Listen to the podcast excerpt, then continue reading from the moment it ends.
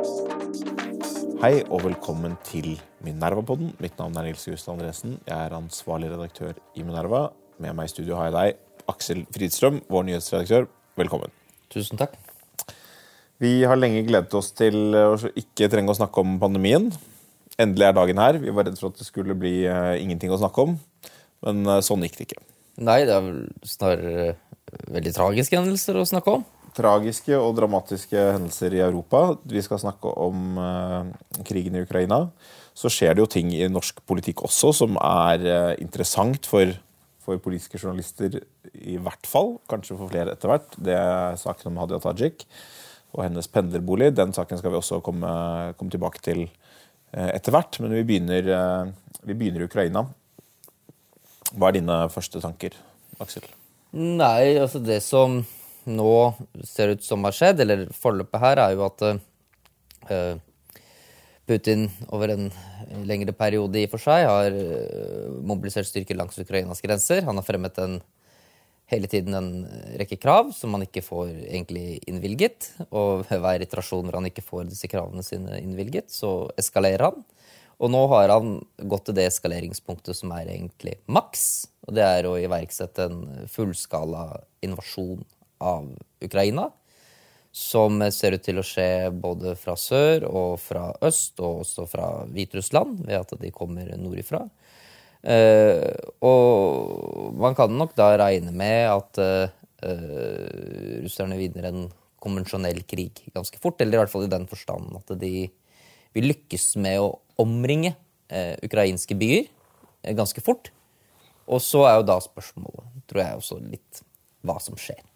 Ja, Det er uavklart hva som skjer. Altså, Russland har jo et uh, fullstendig luftherredømme, uh, mer eller mindre. Uh, I hvert fall i den forstand at Ukraina ikke kan bruke luftrommet. Ukraina har et luftforsvar. Det er interessant spørsmål hvor, hvor effektivt det vil være.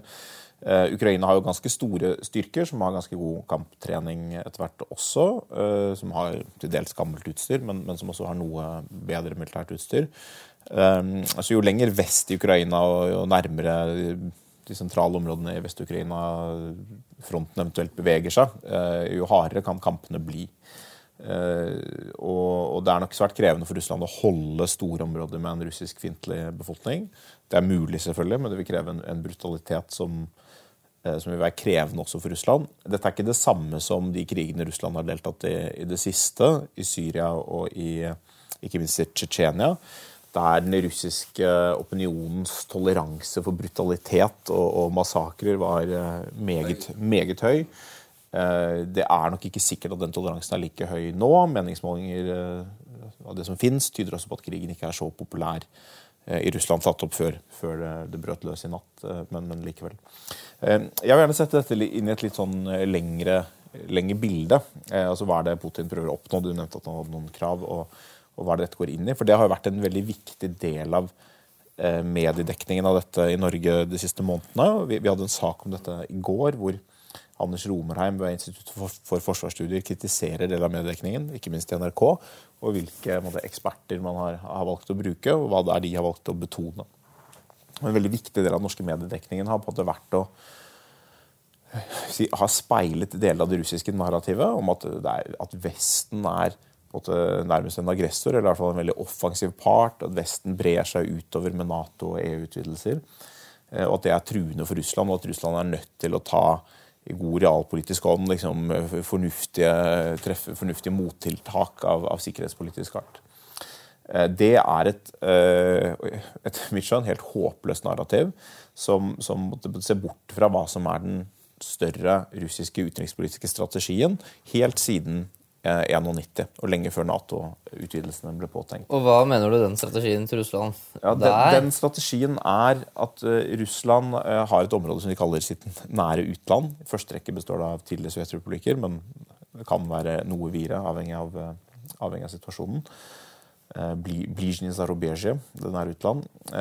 og i de områdene ønsker Russland at situasjonen enten er at den er urolig, og at disse nasjonene er svake, så de ikke kan utvikle seg uavhengig av Russland på en stabil og vellykket måte.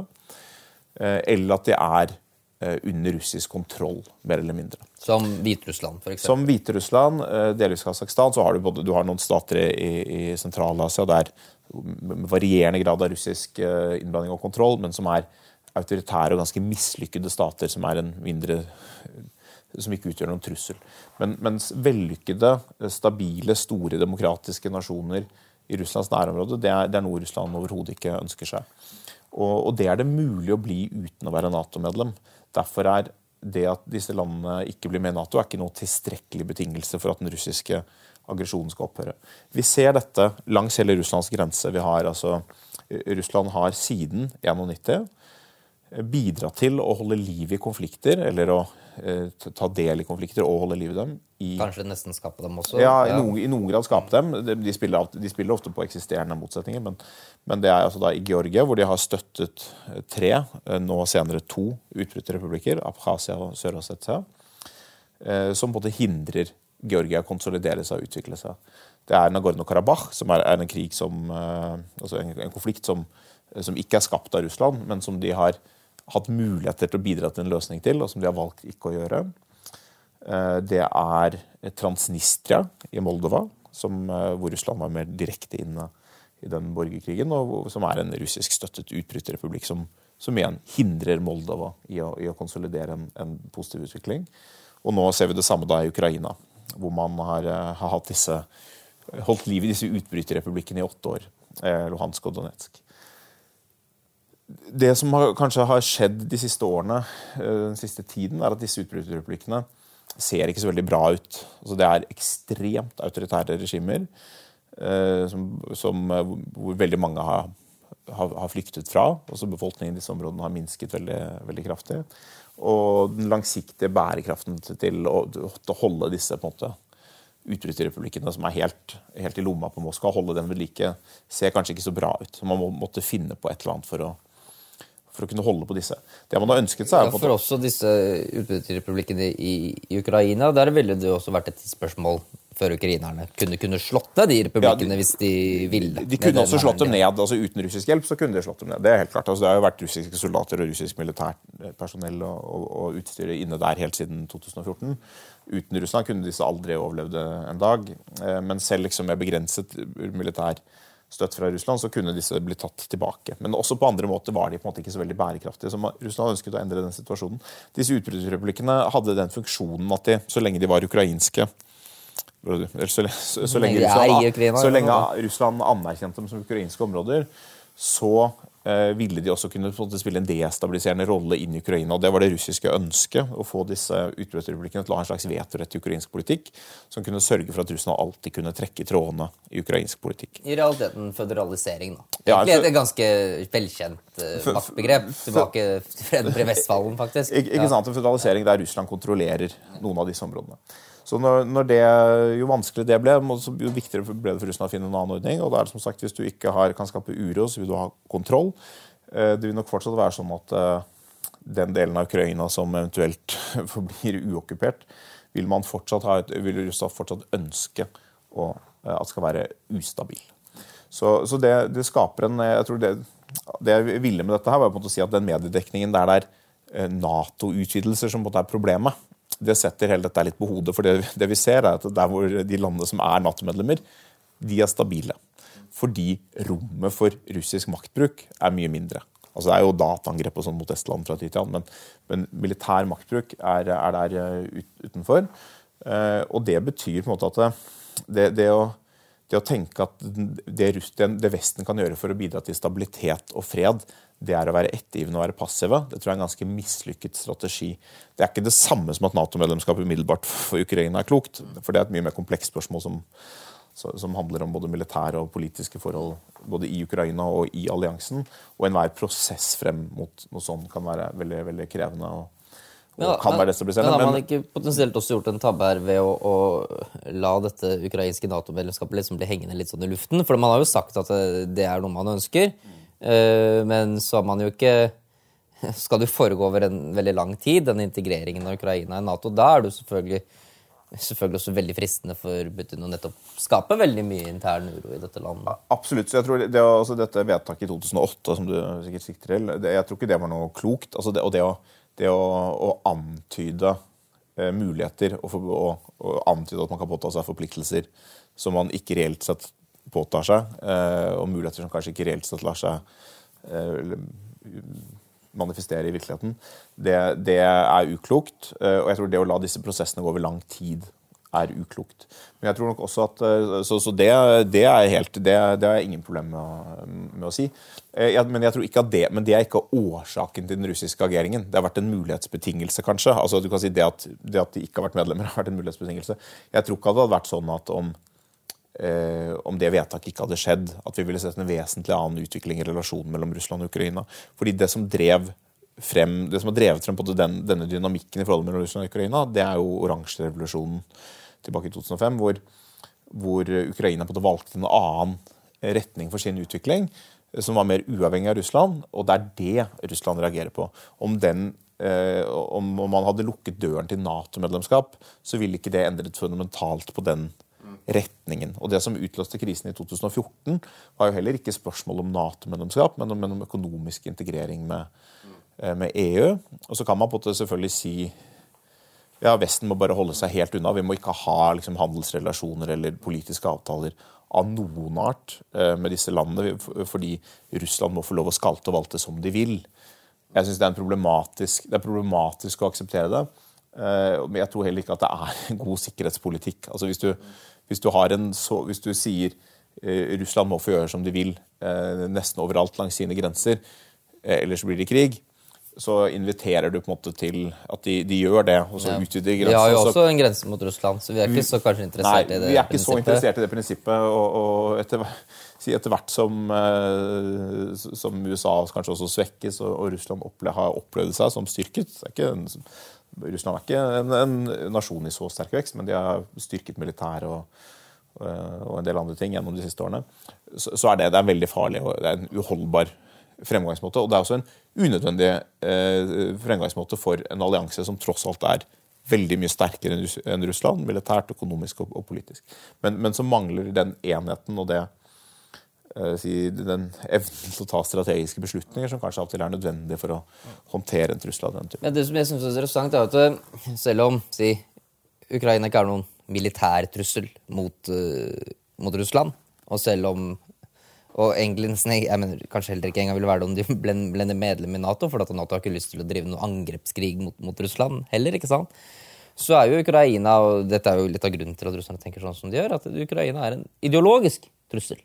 Ikke mot Russland, men mot Putins regime. Det er... De er en ideologisk trussel mot deres politiske regime. fordi at hvis du har et uh, russisk broderfolk som etter hvert klarer å utvikle et mer og mer velfungerende demokrati, med mindre og mindre korrupte institusjoner, kanskje mer og mer velstand fordi at de kan handelsintegrere seg mot mer attraktive markeder i EU f.eks., så vil jo dette se rarere og rarere og rarere ut for Vladimir Putins eget kleptokrati.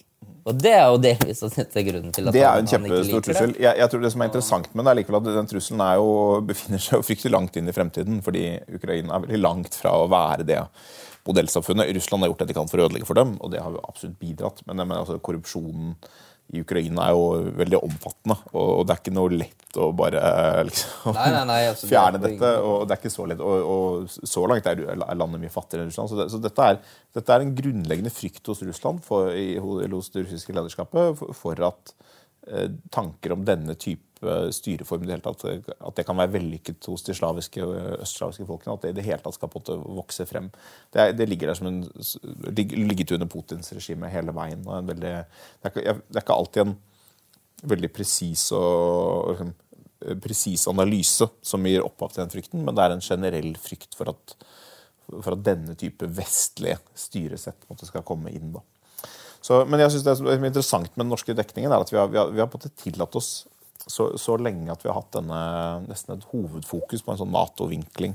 Og spesielt nå de siste månedene. Man har kanskje følt at man må, man, må, man skal drive med kritisk journalistikk, og vi kan jo ikke liksom akseptere Forsvarets, altså USAs narrativ. og tradisjonelle forsvarsanalytikerne, som har brukt Tormod Heier for eksempel, veldig veldig mye, som, som, jo er i Forsvaret, i det, norske forsvaret, men som er en veldig avvikende stemme. da. Altså det er liksom Hvis du sammenligner med klimadebatten man har eh, det, det, finnes jo ulike syn. Det er ikke sånn at mitt syn er det eneste, eh, for eksempel, men Men, men eh, de stemmene som mener omtrent det, de er, de er jo veldig få, spesielt blant Russlands eksperter.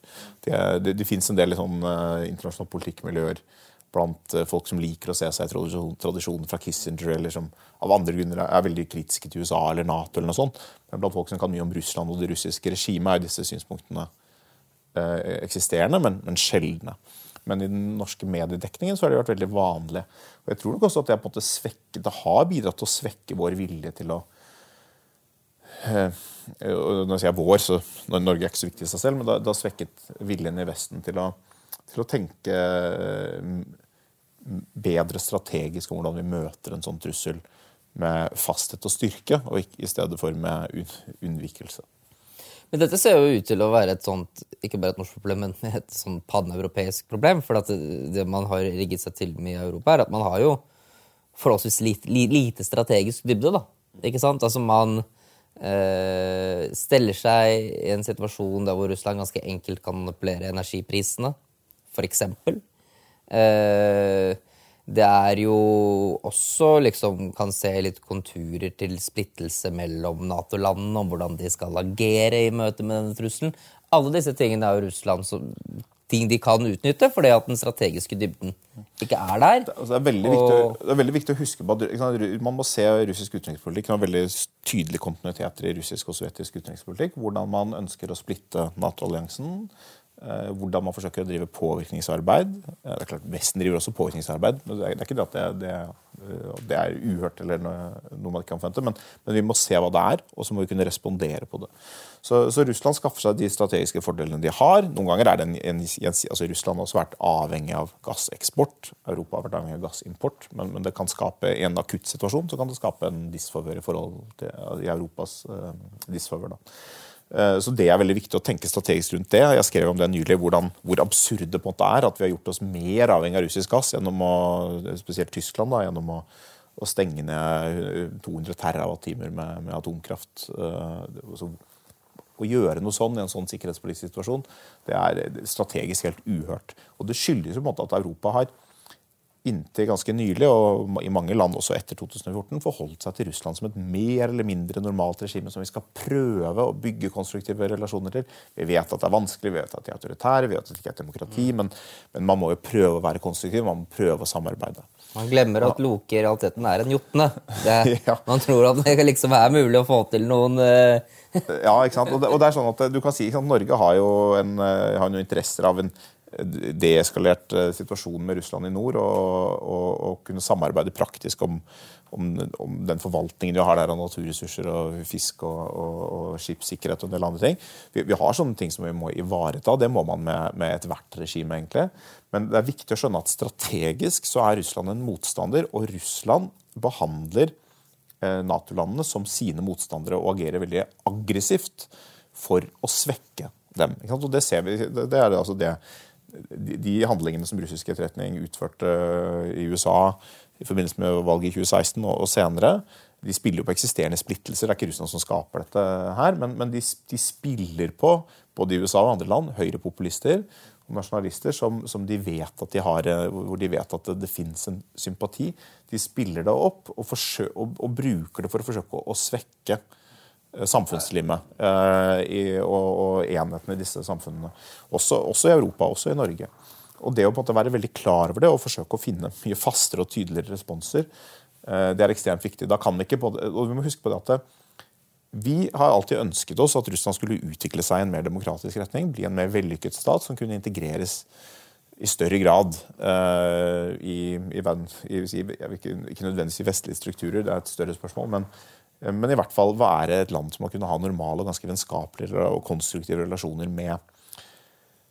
Når det ikke er mulig, og Russland oppfører seg som en motstander, så er det fra et realpolitisk perspektiv i, i, i vår interesse at Russland ikke er sterkere enn nødvendig. Altså det, er noe, det, er i vår interesse at de ikke, er, eh, ikke, utvikler seg så raskt økonomisk, ikke har den militære slagkraften som de altså det, det er i vår interesse at de ikke er sterkere enn nødvendig. Og det, det, blir det viktigere å tenke gjennom fremover. Vi, vi, kan ikke forholde oss til Russland som et helt normalt land. Det er for dramatisk, de tingene som, eh, som skjer. Men hva tror du nå vil skje i, eh, i Ukraina de nærmeste dagene? Altså, eller ukene? Jeg Ja, det- Ønsker du å spå om det?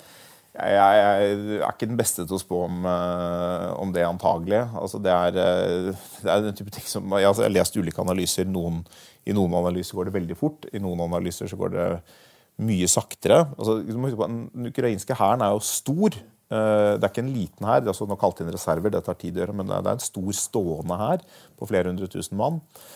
Så, så det kommer litt an på hvordan krigen blir seende ut. ikke sant? Altså, du, som du sier, det er En del områder kan russerne rykke frem i og for seg ganske raskt. Eh, Men når de nærmer seg byer, så er det et spørsmål. Det er klart at det, de byer kan bombes, men, det Det er er med veldig dramatisk. det er veldig dramatisk å komme med sivile tap som, som, eh, som ikke er så enkle å håndtere heller for Russland. Og, og det kan bli mange nedskutte fly. Så liksom, hvis vi nærmer oss eh, krigføring i byer, så er det liksom, det én type scenario. Hvis vi nærmer oss en, eh, en invasjon med stridsvogner og den type ting, så vil det også være kamper med mye større tap på begge sider. Så det vi har sett liksom, i, i natt, det, det er jo liksom, artilleri og luftangrep. Sannsynligvis. Det er sånn ubekreftede opplysninger som, eh, som man kan gjøre fra avstand, men som også påfører på en måte begrensede eh, noe begrensede tap. Da. Så det avgjør ikke en krig hvis, hvis ikke Ukraina gir opp. Så det er på en måte et spørsmål om altså hva Finnes det insentiver for Ukraina til å kapitulere? Hva skulle det innebære? Hva er det russiske kravet? Finnes det noe, noe krav Ukraina kan innfri som de, som de er villige til å innfri, eller som, som Russland vil være fornøyd med? Regimeskiftet i Kiev løser ingenting. Det fins intet russisk støttet regime i Kiev som vil ha noen som helst folkelig legitimitet. Så det, det kan bare opprettholdes ved, ved massiv maktbruk. Altså, jeg, jeg ville jo i hvert fall tro at eh, før Russland eventuelt liksom går til den maksimale eskaleringen, da, som er å rykke inn i store ukrainske byer, så vil det være en ny runde med forhandlinger. På et eller annet vis. På et eller annet plan vil det være det. Så, så, så, så det mest si, det, det, det, begrensede scenarioet er jo at man okkuperer eh, mer enn disse utbryt, det territoriet utbryterrepublikkene har, har kontrollert til i dag. Og, og hele det som tidligere da het Donetsk og Luhansk oblast, altså fylker. Eh, og eventuelt noe mer. Russerne drømmer jo om for en by som Kharkiv, eh, som ligger noe vest for dette. Eh, du har jo også en stor by som Mariupol eh, ved Svar- Svartehavet, som, som russerne sikkert eh, har sett på. Og en by som heter Dnipro, som ligger ved elven, altså ved elven som, som renner gjennom Ukraina. Eh, da har du på en måte en Hvis du ser på kartet, så er det på en måte den østlige eh, hva heter disse Trapes heter vel den formen. Altså den, det er en liten, den østlige delen av Ukraina som ikke er så veldig stor, eh, og som er det området der det har vært Mariupol ligger vel ved Azovhavet? det, det er korrekt. Ja, Ja, ja. det er korrekt. Viktig at lytterne ikke blir forvirret. Absolutt. Så, så det fins en en sånn det, det er nok et avgrenset scenario som russerne kunne håndtert militærstrategisk, og som man på en måte kunne altså Jeg tror Kharkiv og Mariupol det ville vært veldig veldig blodig. Veldig veldig store omkostninger. Men områdene øst for det det ville de kanskje kunne håndtert. Og så ville du fått masse flyktninger som flyktet vestover. Eh, og så kunne man forhandlet litt, og så kunne det liksom eh, stoppet der det er mulig. Det er, vanskelig å ja, Jeg skal ikke spå altfor mye. Det er, det er, alle scenarioer er jo på en måte mulige, og det har vi jo på en måte sett. og de, Det er jo interessant å merke seg at den opptrappingen til konflikten hvor USA har sagt vi tror det, denne invasjonen kommer. Og det er blitt liksom litt latterliggjort både på sosiale medier og ja, og noen av de nevnte ekspertene som jeg, snakket om, at liksom, ja, det fyrer opp situasjonen, og det er ikke noe hold i det. og sånn. Det er klart at det har vært hold i dette. Det er klart at amerikanerne har hatt veldig solid etterretning på, på det, og ikke ville gått ut med det heller, om det ikke hadde vært tilfellet. Og at man har visst at det kommer en, en veldig alvorlig invasjon. Og så, så er det på en måte det det gjelder jo på en måte det også for Russland, at eh, når krigen begynner, så hender det at alle planer, kullkastes, for man vet aldri akkurat hvordan, akkurat hvordan en, en krig utvikler seg. Nei, og russerne vet jo heller ikke helt hvordan ukrainerne vil respondere. det er- ikke det er sant? Og så vil, vil ukrainerne øh, møte dem utenfor byene. I så fall så kan du ødelegge den ukrainske hæren eh, med en konvensjonell krig uten liksom geriljakrig i bykjernen. Hvis ukrainerne trekker seg sammen som en skilpadde, så er det en uh, litt annen situasjon. Ikke sant? kan også si at uh, Det har vel stått i media i dag, men, men Zelenskyj holdt en tale uh, sent i går kveld hvor han også snakket borti åtte minutter på, på russisk. Henvendte seg til, til, russerne på russisk. Den talen ble selvfølgelig ikke vist på russisk TV, men det var en veldig veldig sterk tale. Jeg og så på den, og den kom jo Jeg er usikker på hvor altså, Den vil nok komme inn i Russland i ulike formater uh, her og der. Og det er, Jeg tror ikke det i seg selv er sånn at det snur noen russisk opinion. men men det kommer til å komme ut historier fra Ukraina som når inn til Russland via sosiale medier, via, i noen grad via noen få russiske medier eh, også, som, eh, som, mange russere vil, vil, være lite interessert i å se, men som, kan, som, kanskje ikke vil som kanskje vil trenge inn i noen grad allikevel. Og Det er også interessant å se hva slags effekter det får for, den, for det innenrikspolitiske klimaet i Russland. Det er, det er et regime som på, på, på, samme tid er sterkt og svakt. Altså er, man, vet, man, vet, aldri hva som kan boble opp og skape uro i et uh, autoritært regime av den typen. Så det blir, det blir, spennende å se. Men du, jeg tror vi må si at vi er ferdig med, med denne krigen. Det går an å lese mer om den i, i, i flere, medier, flere medier. Vidt jeg har sett. Ja, det er, det er i de fleste avisene. Men jeg tenkte vi skulle snakke litt om, om hjemlige forhold. Det er en noe mindre dramatisk sak, men det er viktig at det ikke blir overskygget uh, av dette allikevel. Det, det, er saken om Hadia Tajik og pendlerboligen. Nå har vi skrevet om saken begge to, men du, du, du som skrev en uh, viktig sak om dette for et par dager siden, og så endte du opp på Debatten på NRK. Fortell litt om, uh, om saken. Nei, altså jeg syns jo uh, Det er jo et, et, et, bredt sakskompleks i den forstand at det er flere, flere pendlerboliger man snakker om. Og så krangler jo Tajik og Aftenposten litt om den ene saken som Aftenposten har hatt. men Eh, det viktigste delen av sakskomplekset er jo en sak som er frembrakt i VG, som handler om at hun eh, som eh, nyansatt politisk rådgiver i 2006, dette er ganske lenge siden, fikk tildelt pendlerbolig skattefritt etter at hun endret opplysninger i søknaden sin til å si at hun først ikke hadde andre boutgifter, til å endre det til at hun hadde det, og la ved eh, som dokumentasjon på det en leiekontrakt som ikke kan sies å være reell. Altså den, for den leien i kontrakten ble ifølge Tajik selv aldri betalt. Eh, og følgelig så tjener jo denne leiekontrakten eh, som et eh, dokumentasjon på at Tajik har rett til og fikk et skattefritak som eh, hun da i hvert fall ikke var berettiget til basert på de opplysningene hun ga. Ja. Og Hva er det Tajik selv sier som eh, begrunnelse for at hun likevel hadde rett på skattefritak? Ja, Tajik sier at det ikke er så viktig, den eh, ikke-reelle kontrakten, fordi at hun uansett hadde eh, boutgifter hos foreldrene sine som hun ikke kan dokumentere.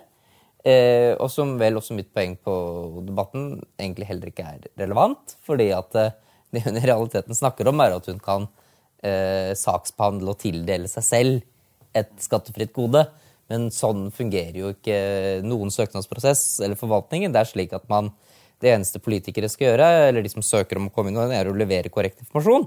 Og så er det noen andre som skal eh, tildele deg gode. Og, og eh, det som er så spesielt med, liksom, med, Tajik også, er at den informasjonen som avkreves, er også veldig enkel. Det er to spørsmål. Hva er det du heter, og hvor er det du bor? Og Hadia Tajik eh, svarer da først riktig på det, før hun endrer det til, hun, til å svare galt. Eh, og det er jo veldig spesielt når det å da svare galt på to enkle spørsmål som det, eh, eller bare ett av de to, da, Borbor, klarte å svare på hva hun het, eh, eh, gir deg en skattemessig fordel på over 100 000 kroner. Det, altså, så, så, bare følg opp litt, fordi det er jo det er den første pendlerboligen hun får tildelt. Det er 2006. Da begynner hun å jobbe som politisk rådgiver. Eh, så eh, blir hun innvalgt som stortingsrepresentant i 2009. Da får hun en ny pendlerbolig, eller en ny søknad om pendlerbolig. Og da er det, er det nye opplysninger som gis. Og da er, oppgir hun som bosted en leilighet i Stavanger som hun da har kjøpt sammen med sin bror. Men heller ikke denne leiligheten flytter hun noen gang inn. Hun er folkeregistrert der, men hun flytter aldri inn. Og, eh, så det er sier selv at hun aldri har bodd der. Ja, sier selv at hun aldri har bodd der, så det er da, eh, sånn som det ser ut, så er det også da en bolig som hun ikke har disponert, og som dermed ikke er en bolig av typen som gir grunnlag for skattefritrekk. Så, så hun får pendlerbolig. Derfor hevder hun da fortsatt at hun for den perioden, 2009-2010, eh, også bor hos sine foreldre når hun er i, i, i Rogaland. Ja, nå, ja. Men ikke ja, da. Nei, nei, så hun hevder, hevder det nå, og at hun da hadde utgifter der. Men det betyr at også ved denne søknaden så oppgir hun opplysninger som grunnlag for skattefritak som, så langt vi kan forstå, eh, ikke stemmer. Um, så det er jo det, liksom, er et interessant uh, bakteppe eller det, er jo det som er saken. Og så, jeg synes, Det jeg synes er interessant, er at det, Tajik uttaler seg på en litt som, som, jurist i sine uttalelser. For du, du, sa at man kan jo ikke saksbehandle sin egen sak, men det er sånn teknisk sett så skal uh, skattemyndighetene Disse sakene er jo foreldet skattemessig. Det er en tidsfrist på, på ti år. Men, men eh, skattemyndighetene skal legge det mest sannsynlige faktumet til grunn. Så, virker, så langt har det på en måte virket litt som om Tajik har prøvd å, å, få noe til å fremstå som veldig sannsynlig, nemlig at hun har betalt en eller annen utgift hos sine foreldre, eh, som ville på en måte gjøre at hun teknisk sett ikke hadde, ikke hadde bedrevet skattesvindel. Da. Hun hadde jo gitt uriktige opplysninger og kanskje bedrevet dokumentfalsk, som er en alvorlig forbrytelse i seg selv. i for seg. Eh, men da kanskje ikke skattesnusk, eh, hvis hun faktisk hadde hatt, sin, eh, hatt utgifter hos sine foreldre. Det som er interessant er at Alle opplysninger i saken som kan dokumenteres, de peker på at hun har handlet helt galt. Og alt hun hevder til sitt forsvar, det er opplysninger som ikke kan, ikke kan verifiseres. Altså, de kan dermed nesten ikke falsifiseres. Det er bare påstander om at hun har betalt en uspesifisert sum i en, i en uspesifisert ordning med sine foreldre. Eh, det som jeg syns er mest problematisk, det, det, er jo det jeg skrev om i dag, at det virker som Hadia på Tajik tenker at hun har en slags krav på, på tillit. Eh, men det, det, det, som er veldig problematisk i denne saken, er at hun ikke bidrar til å opplyse saken. Nå som den måte er gravd opp og kommet frem i dagen, så bidrar hun ikke til å opplyse saken. og Det er, eh, det er, på en måte særlig, det er særlig to punkter som hun kunne oppklart, som ville belyst saken som hun nekter å bidra til å opplyse. Og Det ene er veldig enkelt. Det er, eh, VG har spurt henne siden tidlig i januar. Når meldte du flytting til denne leiligheten som hun inngikk en leiekontrakt om? Fordi hun meldte nemlig flytting dit av sin folkeregistrerte adresse. Eh, men som, som du har påpekt, Aksel, hun betalte jo aldri noen, noen regning, så det må, det må veldig tidlig ha blitt klart at hun ikke bodde der. Eh, så tidspunktet for når hun meldte flytting er veldig interessant. Hvis det er eh, Kontrakten ble inngått i 30.11.2006. Eh, Innflyttingsdato skulle være 1.12.2006. Det samme dag som hun da leverte inn en søknad hvor det sto at hun ikke hadde boutgifter.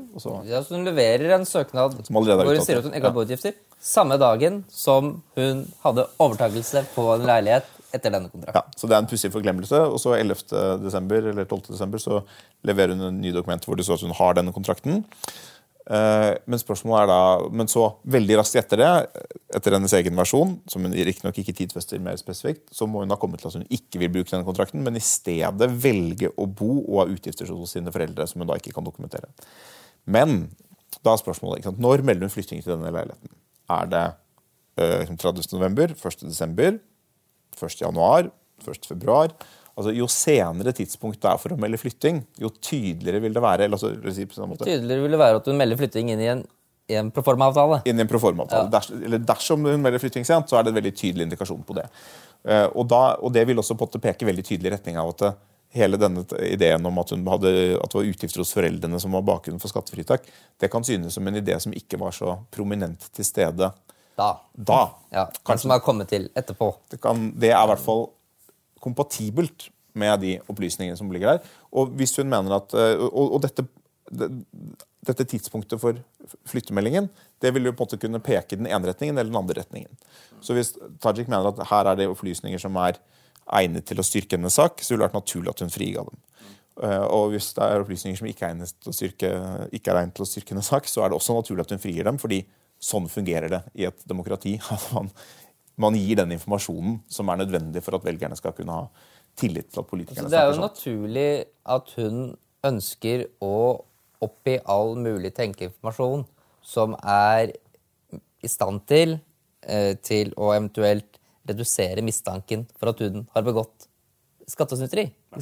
Det er naturlig hvis du har sånn informasjon så er det jo naturlig at man publiserer det.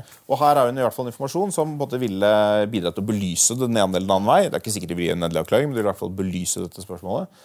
Den vil hun ikke gi. Den informasjonen kunne hun gitt, fordi den har hun, eh, så vidt jeg forstår, tilgang til. Alle har tilgang Ja. til Du kan gå inn og sjekke når du har meldt Din egen. din egen informasjon, men du må ha din egen kodebrikke. Så det er ingen andre som kan gjøre det. Ja. Så denne informasjonen kunne hun fremskaffet. Det vil hun ikke, og i VGs sak så svarer hun temmelig arrogant på det. Jeg vil ikke gi det, fordi denne saken handler om at jeg har eh, betalt korrekt eh, hos mine foreldre og derfor hadde krav på bolig. Det er det hun svarer. Som er et helt uh, absurd svar. Uh, nå hører du Saken handler ikke om det. Saken Nei. handler jo om at hun har gitt gal informasjon. Så, Og nå sier jo Tajik selv I i går så skrev hun da på Facebook at hun vil allikevel betale skatt for denne perioden. Uh, frivillige, som hun understreker et par ganger. Det er jo korrekt, da, fordi saken er foreldet. Men det indikerer jo at hun har endret strategi litt. Grann. Hun skriver 'fordi jeg vil være etterrettelig', og 'fordi jeg vil liksom leve opp til mine egne standarder'. eller noe sånt skriver hun. ja, så det er ikke samfunnets standard, men Nei, egne ja, standarder. Som virker som de er ekstra høye, enda høyere enn samfunnsstandarder. Men det hører jo med at dette kommer jo ikke som følge av at eh, hun plutselig har blitt oppmerksom på at noe har vært litt uryddig, og hun vil være ekstra ryddig. Eh, abundance of caution, jeg betaler litt ekstra. Det kommer jo da syv uker etter at VG tok kontakt. Altså Hun har jo hatt veldig mange anledninger til å, å velge denne proaktive strategien helt fra starten, men hun har valgt å, å bagatellisere saken, svar, ikke svare på VGs spørsmål, trenere intervju. Og så er det da den Aftenposten-saken som du nevnte i sted. Hun går altså da ut med det på Facebook, og så tar hun kontakt med VG og sier nå stiller jeg til intervju. Dagen etter. Så hun regisserer tidspunktet for VGs sak. måte. Og det er først etter at denne saken da først kom i VG, men ikke bare det. Etter det så skriver hun fortsatt en sånn litt bagatelliserende post på egen vegg. Det er først etter at saken havnet på Debatten, at det viste seg at denne saken ble ikke dysset ned av Aftenposten-krangelen. Den kommer kraftig ut på Debatten med en ganske knusende omtale av, av sakskomplekset, bl.a. med deltakelse fra deg. Det er først etter at det skjer, at Tajik får et behov for å være eh, ryddig. Det er ikke så veldig tillitsvekkende, syns jeg. Så, så det, jeg bare sier, Og det er også fremdeles Etter at denne ryddigheten ble introdusert, så er det fremdeles veldig mange Ja. ubesvarte ubesvarte Ja, spørsmål. hun svarer fortsatt, så hvis hun vil rydde opp, så svarer hun på spørsmål. Det ene er da flyttedatoen, og det andre er formatet og omfanget av disse betalingene. Fordi folk skjønner, hun, I VG så ironiserer hun jo over at de liksom spør meg om jeg har disse kvitteringene for 15 år siden. Og Det skjønner man jo at folk ikke har, og bankutskrifter er eh, slettes etter ti år. så, det, det er ikke enkelt å få fatt i. Men, men hadde hun hatt en fast betalingsavtale, f.eks. 4000 kroner i måneden, et eller annet sånt, så ville man jo normalt husket det. En av partene ville vært i stand til å huske at jo, vi hadde jo en avtale du betalte en fast sum hver eneste måned i, i tre år. Det ville man på Ja, eller hvis du betalte en regning, så er det kanskje naturlig at den er sendt til deg på e-post. Ja, ikke sant? Altså, hvis du betalte strømregning og den type ting. Det, altså, vil være sånn, så det, det, jo, måte, det virker jo som om hun når hun, hun sier sånn Jeg vil ikke si noe spesifikt fordi jeg kan ikke si det fordi jeg ikke kan si det helt presist. så vil jeg ikke si noen ting. Sånn, for jeg vil ikke si noe som kan være galt. Men inntrykket man får, er jo på en måte at hvis hun hadde sagt noe som var spesifikt, så ville det enten være usant eller være egnet til å vise at i den grad hun betalte, så var det veldig sporadisk og tilfeldig. Eh, Og kanskje veldig lite i omfang. Så, så det er både det at hun ikke bidrar til å oppklare noe på de punktene, det er veldig lite tillitsvekkende. Og så kan man si at det er helt åpenbart at denne saken inngår jo i en ukultur som har vært mye større enn Hadia Tajik. Det har vært masse masse saker nå det siste halvåret. Større og mindre, men, men litt sånn uttrykk for det samme. At man, eh, man ser på denne pendlerboligordningen som noe som det definitivt er mulig å eh, gjøre det økonomisk noe mer attraktivt å være eh, stortingsrepresentant og i regjeringsapparatet. Ja, også noe som Hadia Tajik selv sier, det er noe man lett kan få. Selv, når hun, eh, hun sier, selv når hun var innvalgt og bodde i Oslo, så sier hun at hun lett kunne fått det. Jeg skjønner Ja, ja. ikke helt hvordan hun Ja, lett altså- kunne fått det, for ordningen er jo Ja, ikke, ikke ment- ment ikke nettopp, nettopp ikke opprettet for folk som bor i Oslo fra før. Så hun fremstiller det som sånn Se så ekstra snill jeg er som ikke liksom, misbrukte ordningen enda, enda kraftigere. Uh, men så det er, det er en ukultur der som er mye større enn Hadia Tajik. Det er det ingen som helst tvil om. Og, og jeg er eh, villig til å tilgi mange gamle syndere. ja, For uh, selvfølgelig så Ja, for det er jo veldig lenge siden. Det er lenge siden, og 23 år er ikke veldig ungt. altså Alexander den store invaderte vel liksom Persia i den alderen. Og, og William Pitten yngre var vel i ferd med å bli statsminister i England. Så, så det er ikke liksom sånn, Vi snakker ikke om en tolvåring her, men, men det hadde vært mulig å få tilgivelse for handlinger den gangen. Ut, problemet med Tajik, sånn som jeg opplever nå, er at det, det er liksom It's not the crime, it's the cover-up. Uh, det er kanskje både the crime og the cover-up, for det er, det er alvorlige forhold som ligger i bunnen. men, men måten hun trenerer, oppfuskerer, skjeller ut pressen, skylder på andre, bagatelliserer blir presset fra skanse til skanse uten å ta ordentlig ansvar, det er veldig lite tillitvekkende. Og Det er det som det virker som hennes forsvar er. Dere må stole på meg, ha tillit til at jeg forteller sannheten om hva som skjedde den gangen. Og det er veldig vanskelig å ha den tilliten når hun ikke opptrer åpent uh, og ryddig i dag. Ja, og jeg mener at hun ofte også svarer på spørsmål på altså det, det, det er alltid på, på høyest tenkelig mulig abstraksjonsnivå. Det, det, det er aldri presist. ikke sant? Det er alltid hva er det vi snakker om? Er det liksom uh, dyr? Er det kuer? Er det Klara ku? Du snakker aldri om Klara ku, du snakker alltid om, om, dyr. Slik at det er vanskelig å si at dette er feil. Uh, I den uh, siste forklaringen hun nå hadde, ikke sant, så sier hun at det hun beklager, er at hun ikke har gitt, gitt oppdatert informasjon med henvisning til denne kontrakten. Denne kontrakten ble jo levert til statsministerens kontor den 11. september. Nei, 11. desember 2006. Den første leien forfalt ti dager før den 1. desember, dagen etter at kontrakten ble inngått. Så når hun leverer denne kontrakten til statsministerens kontor, så er hun allerede ti dager ute, for sent ute med leien, og leien blir aldri betalt. Når, når, var dette oppdatert informasjon? Ja. Det, det, skulle vært interessant å vite. Når ble den i så fall utdatert? Vi har, vi har begge to moret oss litt med et sitat som forbindes med Hadia Tajik, nemlig at hun reagerer sterkt både som menneske, nestleder og jurist, nei, både som jurist, nestleder og menneske.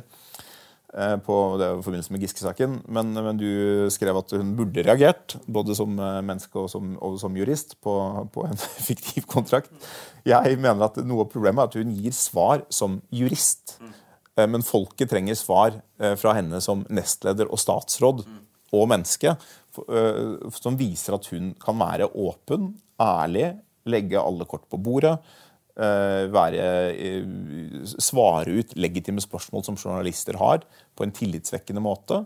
Og når hun ikke gjør det, så er det for det første så er det veldig vanskelig å feste lit til hennes versjon. Det er ikke sånn at vi, altså, det er ikke journalisters eller velgeres oppgave å bare stole på hva politikere sier som ikke kan belegges og dokumenteres, og som ellers er i strid med det, det som kan dokumenteres.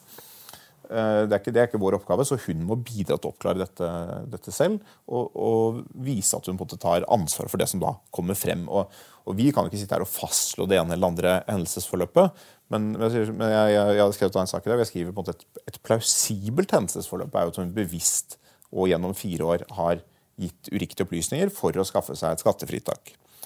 Eh, i den hensikt å gjøre det. Og det er jo, eh, altså, Ropstad var jo ærlig nok på et tidspunkt til å si at uh, han gjorde disse tingene i den hensikt å skaffe seg en, en gevinst som han kanskje ikke hadde, burde gjort, kanskje ikke hadde krav på.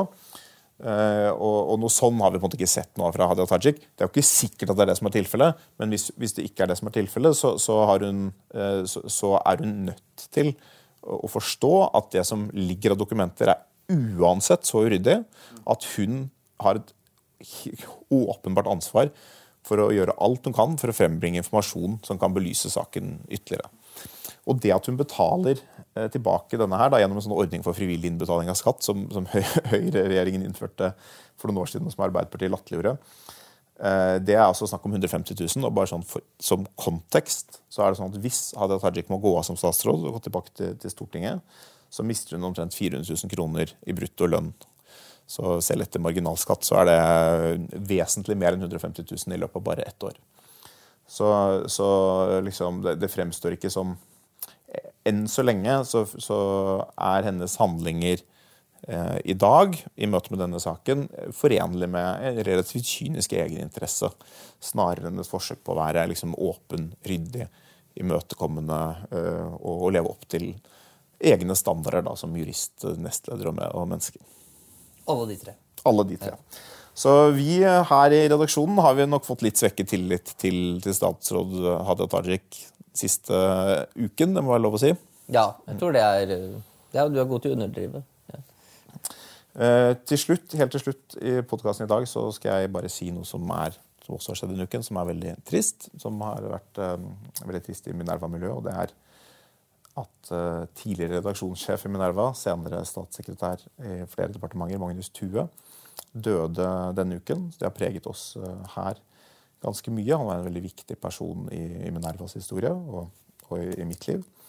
Og det, um, det, det, bør nevnes også her. Det er ikke lenge siden han var på podkasten her og snakket om uh, sin tid i Finansdepartementet. Det blir det ikke flere anledninger til, dessverre. Men Vi må gå videre likevel. Takk for oss.